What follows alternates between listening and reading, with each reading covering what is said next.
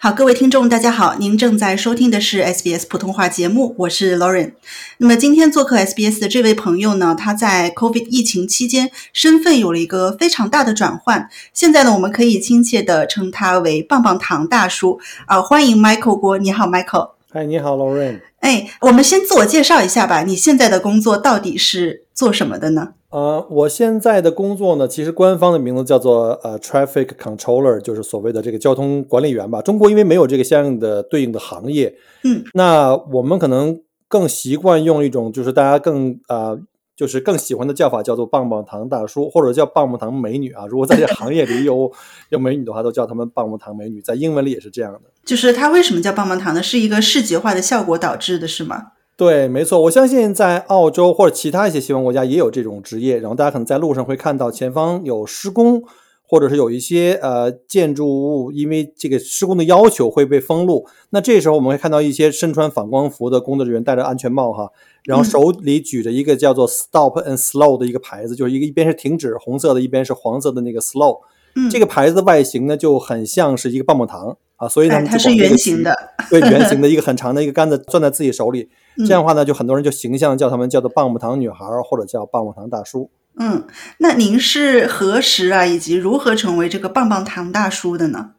啊，这个有点儿说来话长啊。就我原来是一个就是呃，就是墨尔本的一个地接导游，我有自己的旅行社。但是大家都知道，在二零二零年初，因为疫情在全球泛滥，尤其在澳大利亚，我们在应该是在三月的份的时候就封城了，就是封国了，国境就已经封了，border control 以后呢，基本上不可能有海外游客，尤其是中国大陆的游客啊，中国也都在进入在封城的阶段。所以我当时的旅游的客人主要来自于百分之九十九吧，来自于中国大陆，所以一下子就生意受到了影响。嗯，打击非常大。对，没错。然后从二零二零年那时候封城，一直到二零二一年的六月份，一年半的时间，我基本上没有什么生意。可能有一些本地的华人，包括留学生群体，包括一些在澳洲生活的华人，但是这个量太小了嘛。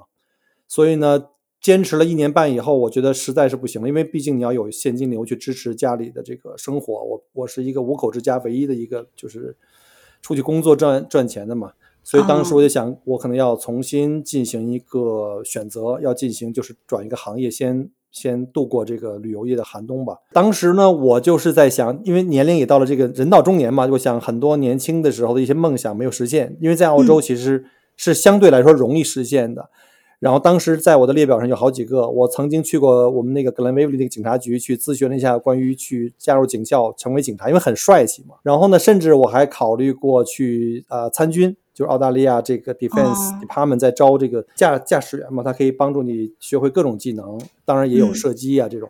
然后呢，再有一个呢，就是也曾想做过那种就是变形金刚那种大型的那种货车的长途货车的司机，但是这些因为都各种原因吧，因为家里你要考虑家里然后去照顾嘛，不是光挣钱回家实现你的理想，还要经常能够回家没有风险嘛。所以呢，跟家里人商量过之后，他们觉得这些都不合适，所以呢嗯就选择了这个棒棒糖大叔。那您是怎么找到这个棒棒糖大叔的工作的呢？呃，其实找这个工作呢，也是有一些机缘巧合吧。第一呢，你要去考执照啊、但是考完执照以后，会有很多人发现你考了执照找工作投简历又是一个问题。嗯呃，其实我进到这个公司或这个行业，是因为有一个朋友在这个行业里边，他原来是飞行员，呃，啊因为也是因为这个疫情的原因，就航班也都停了嘛，嗯所以很多就都失业了。然后他在家里憋不住啊，他就跑到这个外面去找工作，就就干了这个叫棒棒糖女郎。后来他就拉我说说，Michael，你看你在家里没事做，还不如到这儿来。这儿里又因为那时候墨尔本在封城嘛，不能超过嗯五公里的范围，说你又有自由，还可以赚钱，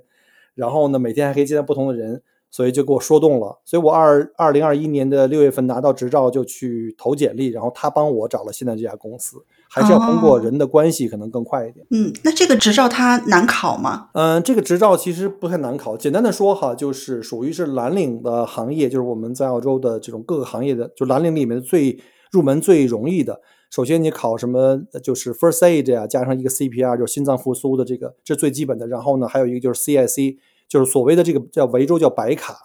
啊，就是蓝领行业的一个准入的一个最基本的门槛。然后在这个基础之上呢，再考你所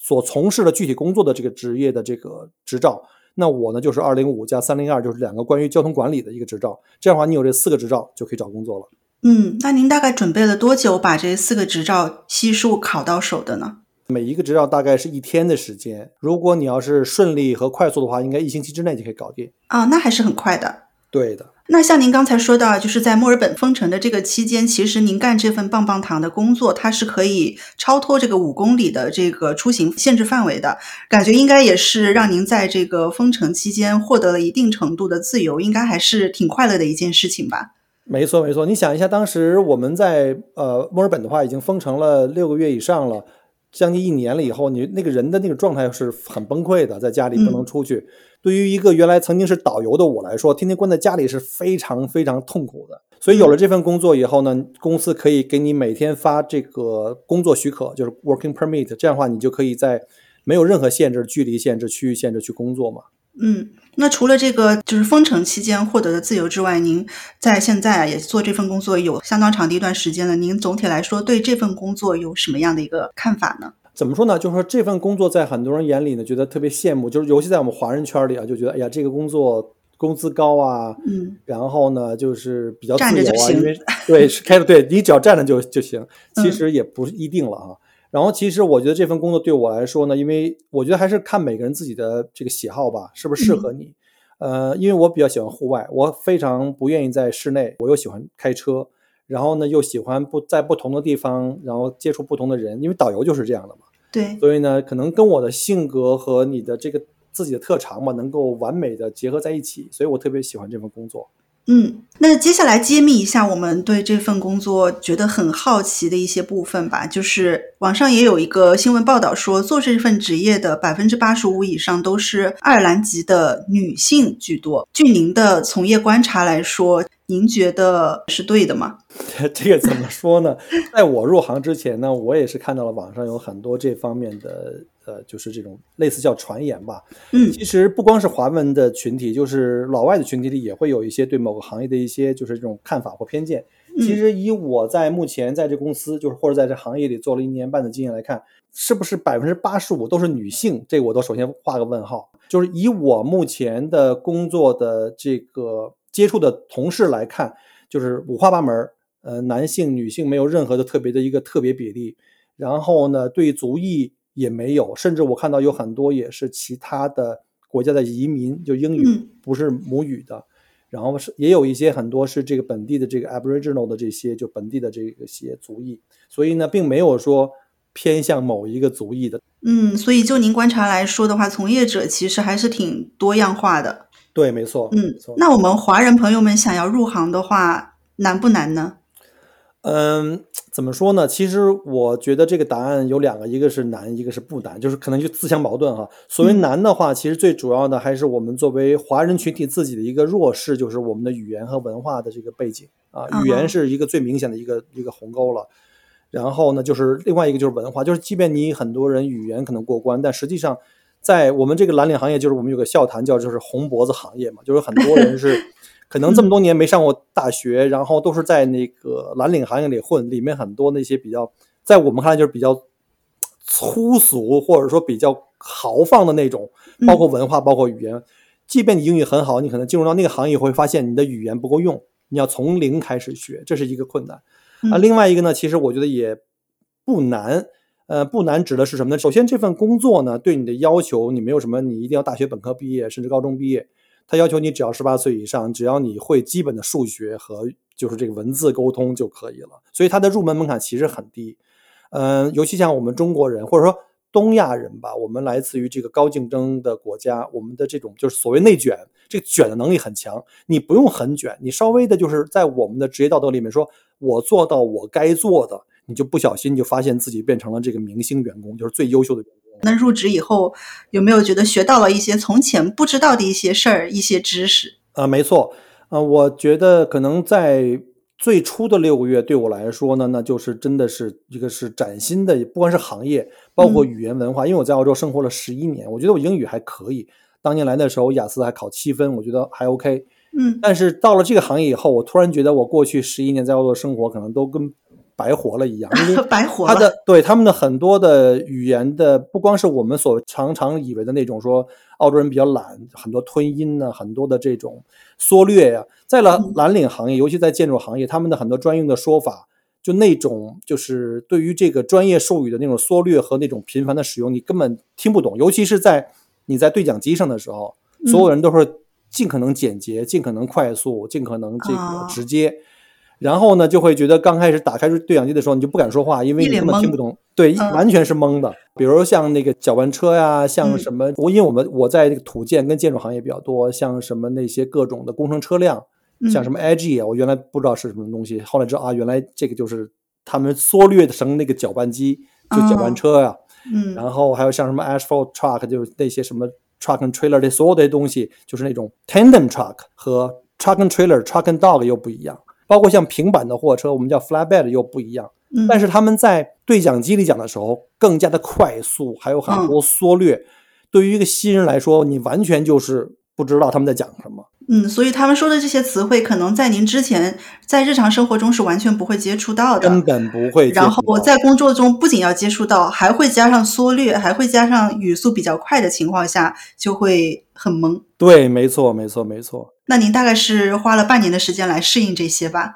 我觉得是说，你如果对这个整个行业，因为在这个行业里其实包括了 civil 就是土建和建筑就 construction，其实我觉得半年的话，对于一个新人来说是比较 OK 的。实际上，如果你只是说在路上指挥交通这件事本身，我觉得有一个月就可以了。那您就是刚入职的时候遇到的种种的问题，您有没有心生退意啊？这个倒没有，因为我觉得是这样的，其实。当你进入到一个新的行业的时候，你的学习曲线是非常非常陡的。这时候，如果你是那种对学习或对新生事物有好奇心的人，你会觉得非常兴奋。就我就是我，在我学一个新东西的时候，可以前半年我可以差不多可以，就是每天不吃不喝，或者说你可能会非常辛苦，会掉几斤肉那种。但是你的你觉得自己在进步啊？嗯，怎么怎么讲呢？就是因为我是七零年代的人嘛，所以我经常会。比较跟我同龄的人来讲的话，我会有一个感觉，就是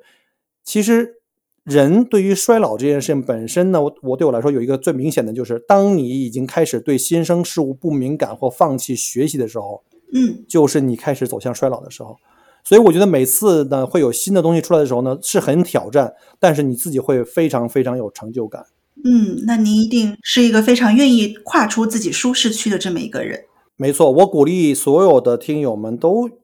不要让自己天天局限在自己的这个舒适圈里面去挑战自己，然后让自己学到更多的东西。你会觉得反过来看的话，你会觉得自己那种成长的那种幸福感是非常非常美好的。嗯，非常的有启发性。那我们再回到这个棒棒糖工作，您可以简单的描述一下典型的一天棒棒糖工作都会做些什么呢？OK，这个太容易了哈，我就可以举一下，我就每天的在过去一周或一个月的工作，就基本上就是每天五点半起床，因为现在的很多项目都是七点钟就要开始，因为现现在夏天太天亮的比较早嘛。比如像我就每天五点半要起床，然后六点钟要六半个小时收拾完就要出门，前一天的晚上就要把我第二天的就是带的一些包括早饭、午饭都准备好，然后呢第二天一早洗漱完毕，然后泡一杯咖啡，抓上我的那个饭。就是那个小饭盒就走了，就是那个小冰箱，然后开车，然后到了工地，因为工地呢，通常是你每天的地点可能都不一样，但是如果你要是跟着一个大项目，你可能比较幸运，就你每天是会固定，比如像我固定的一个项目是干了十四个月，那你大概是过去大概要开到四十五分钟，甚至要一个小时，看你要要不要堵车。然后呢，早上七点钟到了以后，所有人就开始开早会，就包括我们的交通管理，包括项目的施工方，所有的人各种工种吧，在一起来沟通。我们今天面临的所有的这个工作是什么？还有中间可能会面临的一些风险，我们如何把这个风险去屏蔽？提醒每一个人，包括呢，我们还要做这个每天的这个额温枪的这种测试啊，包括酒精测试，因为要确保每一个人都没有发烧啊，没有病啊，甚至没有带着酒精或带着毒来，因为他们对安全的这个要求是非常非常高的。然后就是一整天的工作了，包括像什么封路啊、举牌子呀。然后就是来保护那些在我们身后去工作的这些人，呃，大概每天工作时间根据冬天和夏天不一样，大概冬天的话大概七到八个小时，夏天的话可能十到十二个小时，因为太阳的这个时间长嘛。哦，那时间还挺长的。那您中午会有多少的休息时间呢？嗯，我们通常每天呢是会有这个上午有一个 tea break，大概在十点钟左右，十五分钟，这个是还是给钱的哈，这是好消息。然后呢，大概在一点到两点之间会有一个 lunch break，大概三十分钟，这是不给钱的，就是你这三十分钟是你一定铁定是法律要给你的，但是雇主是不给你钱的。然后呢，嗯如果有的一些项目的雇主可能会好一些，下午可能会再给你一个十五分钟免费的一个 team break，但是也有的时候是没有的，就一天大概就、哦就是这样的。那一直都要站着吗？就是完全不可以坐下的。对这个工作，其实最大的挑战呢是两个，一个呢就是时间长，嗯第二个呢就是站着，就是你可能就是我想这个这个世界上就是站立时间最长的，除了教师可能就是我们了。但是教师每节课四十五分钟之间就会有休息。我试过最长的一天，我站了十四个小时。就当然中间肯定会有，比如十五分钟茶歇我可以坐下来，三十分钟的呃那个 lunch break 我可以坐下来。但是呢，这一天绝大部分时间百分之九十五以上都是站立的时间。我那天最长的一天十四个小时，那感觉应该不是网上传说的这种所谓轻松赚高薪的工作，其实还是比较辛苦的。对，其实怎么说呢？就是说，网上有很多传说关于这个蓝领这个棒棒糖，说特别轻松，还特别高薪。其实，嗯，有点像这叫盲人摸象，确实存在这种特别轻松。然后，比如说像有一些，它会有一些像福利性的一些职位，就这位置，比如说这个项目很大，需要，嗯比如说像我们现在项目大概需要十五到二十个 traffic controller 每一天，但是还有嗯夜班。然后呢，但是有一些岗位呢，就真的是很轻松，你甚至可以坐在那儿，甚至可以找一个树荫儿啊。嗯但是这种工作基本上都会照顾那些就是女性啊，嗯或者是就是老人家。OK，但是像我们这种正在就体力正当年的时候，经常会干那些最苦的活儿。做了一年半，看下来，让您觉得最具有挑战性的是一些什么样的情况？呃，我觉得最挑战的应该还是就是下雨天，因为下雨天一般都是在冬季嘛，会特别冷。而且我们也知道墨尔本一天四季，有的时候你早晨出门的时候就是可能只有五六度，就我是指的一般的那个天气。然后到了中午的时候，可能太阳一出来，可能偶尔会到二十度，你会觉得很热，你可能这时候就把棉袄，就我们的夹袄脱掉，甚至就是就放在车里，然后就开始举牌。但是突然间来一片云，突然下雨，突然下雨，你可能根本没有时间说，我不可能举着牌子把牌子扔地上去，让车就互相乱跑，嗯，然后就跑回去拿雨衣。就我曾经试过，就可能突然间一场大雨来，就是嗯可能也就三十秒时间，我们所有人都在工地上全部被浇湿，就是衬衣、裤子、靴子里面都能感觉到水在在荡漾，你知道吗？嗯而且在冬天，那如果这样的情况之后还要很长时间的工作的话，也没有机会去换衣服，那一整天都要这样工作吗？很难。对这种情况会有，但是一般的话，如果碰到这种情况，我们会优先，就是说，如果我们的 supervisor 说，哎，所有的工地的工人撤出，然后进到工棚里或进到自己车里去，但是 traffic controller 永远是第一个到现场，最后一个离开的，就是我们是最大有可能被浇湿的。啊、那真的很辛苦。对，那像您刚才说早会啊，还会确认工作中会遇到一些什么样的风险？那我们这个棒棒糖的工作，它的危险性怎么样？呃，这么讲吧，很多人觉得你就是天天举个牌子哈，听着歌儿就可以，就就是就可以把这工作混下来。其实不是的，其实我们每年或者是我们每个季度都会有公司的一些就是安全的一些警报，就是比如嗯说在哪个地方，在某个项目上，也许不是我们公司，呃，有人因为因为在在澳洲我们知道啊，有很多情况我们碰到警察去查超速啊，甚至查酒驾，这是非常有必要的。因为我做了一年半时间，我可以这么跟大家负责任的讲，大家可能想象不到，在马路上每天开车的人有多少人是在酒精的影响下，或者是甚至吸毒。啊、天哪！对我可以跟大家讲，就是我有同一个早晨，同一个早晨在三十分钟之内啊，就在我上一个项目，在三十分钟之内差点被两辆车撞死。一个呢是酒精和吸毒的人在路上开车的是比例比较高，大家千万千万不要掉以轻心。第二个呢就是现在最大的一个危害就是手机，你们根本不能想象有多少人开车在看手机。嗯，就我说的那两个都是在看手机，他们在车可能离我还有十米的时候，才发现我举着牌子在玩命在挥动它，嗯急刹车在我前面停下来，我都已经准备扔牌子跳到旁边的草地里去了。那这也是要提醒我们所有的这个听众朋友们，交通安全真的非常重要，不仅是为了自己的安全，也是为了路上 encounter 到的所有这些人他们的安全。没错，然后呢，每年都会有交通管理员因为这个司机的疏忽驾驶，或者是叫做叫 reckless driving，叫什么叫做这个鲁莽驾驶嗯而丧生。呃，这个每年都会发生，所以呢，大家不要觉得这个工作是特别特别轻松，一定有它的就是所有的高薪一定有原因的。那说起这些，除了危险之外啊，那您工作中最为难忘的经历，还有一些什么样的经历呢？如果说在我所有的工作中中间，让我一下子想到让我最感动的事情，就是这个澳洲人民特别可爱的那些有爱的那些人民。就是我记得 当时我在那个 GolfLinks 那个项目上在做的时候，因为我们要封路，整个这条街的一个一个方向全部被禁止通行，然后周围的邻居还有他们的商铺呢，肯定会受到影响。呃，一般的情况下，我的理解会这帮人会出行会不方便，他们一定会特有意见，会给你什么深深中指啊，或每天会抱怨啊，这种情况会发生。这个确实发生过，但是绝大部分的这个澳洲百姓还是特别善良、特别配合的。然后呢，我记得那段时间，我的那时候正好是夏天，十二月份的时候，就像现在，但是很热，呃，温度经常在三十度以上，三十五度。然后经常就会有他们那儿的就是邻里嘛出来买了一箱子的冰棒啊，或者是冰激凌，开车过来，因为我们一条路封路了嘛，他要绕一大圈走低拓过来，就走那个绕个大远回来，为了走这条顺行线，然后给我们我们那条线上应该有六七个 traffic controller，给每一个人送冰棒啊，送汽水啊。然后呢，第二天呢，这个老人家又开车又绕一圈回来，给我们送蜜派啊，送什么 lemon slice 啊，送好吃的。哇！几乎每星期送好几次，哎，我们觉得特别感动，你知道，就是有很多，不光是他，还有一个就是在旁边的一个公司上班的一个美女，她原来她跟我们讲，她也是原来做过，入行的时候也做 traffic controller，经常给我们送水啊，送冰棍儿。啊，特别特别感感动，对，听上去好暖心啊。对，很多陌生人在路上，就是包括被我们举牌停止了这些陌生人，他可能在那车里坐三十秒钟、一分钟、两分钟那么去等。但是当我们放行的时候，他们经过我们身边，绝大多数都是绝大多数的人都会给你伸个大拇指啊，或者是向你表示友好啊，那种挥挥手啊，特别就是让你觉得特别感动。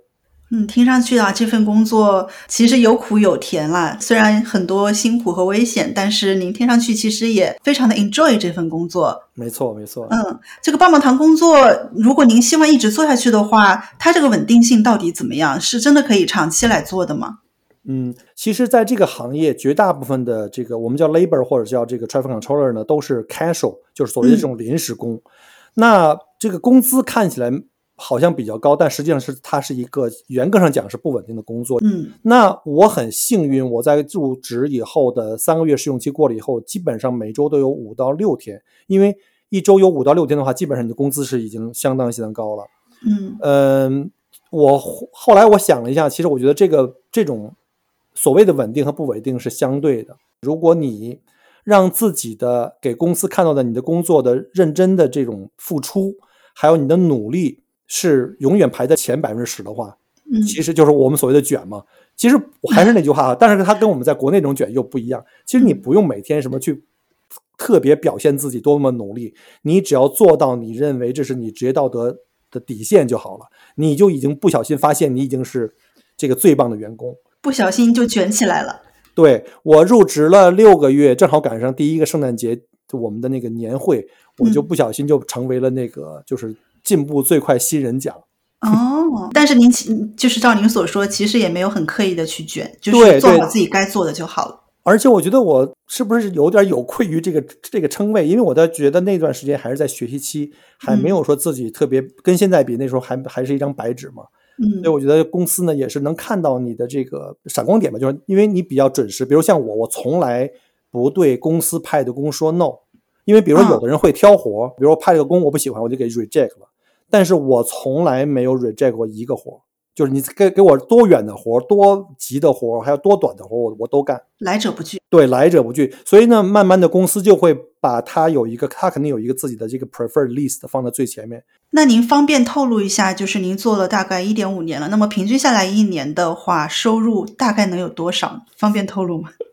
没问题的，其实这个是我被问到最多的哈，我华人最关心的一个收入话题。我觉得如果你在这个行业里比较就是有经验了，然后呢工作的这个时间能够保证一周四十小时以上的话，我觉得一年的年收入在税前十万澳币是没有问题的。嗯，那如果你有一些更高级的 license，比如说我刚考完了这个 rail，就铁在铁路上可以做一些项目工程，不是那种入门的 traffic controller。嗯。然后呢，这些呢就可以能够拿到一年大概十五万哦，税前，那真的是还是挺高兴的一份工作了。那最后我就想请问一下，您会否就是对您的朋友啊，或者包括其他一些对这份行业好奇想入行的朋友推荐这份工作呢？呃，我其实我是挺推荐的，因为在这个行业里面，我没有看到过其他的，除了介绍我进来的这位华人朋友，没有碰到过其他的华人。其实我觉得很多行业呢，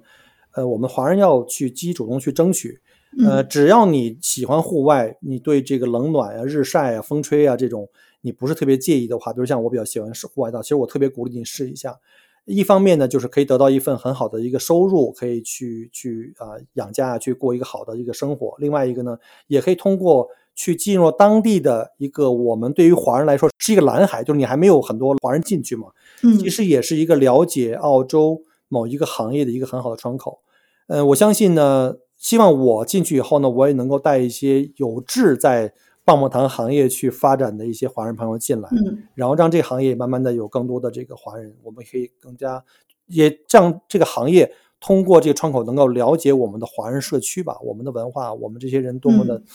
努力工作啊，多么的敬业呀，这样那样的。嗯，那各位希望入行的这个华人朋友们，如果有需求的话，都可以联系 Michael，嗯，他很愿意领带领大家进入这个行业。对，其实我在网上也分享了一些如何进入这个行业的一些最基本的要求，还有它的一些工作环境啊。嗯，所以总体来说，其实华人入行并不像我们在网上看到的信息或者所想象的那么的难，其实是可以入行的。对，没错的。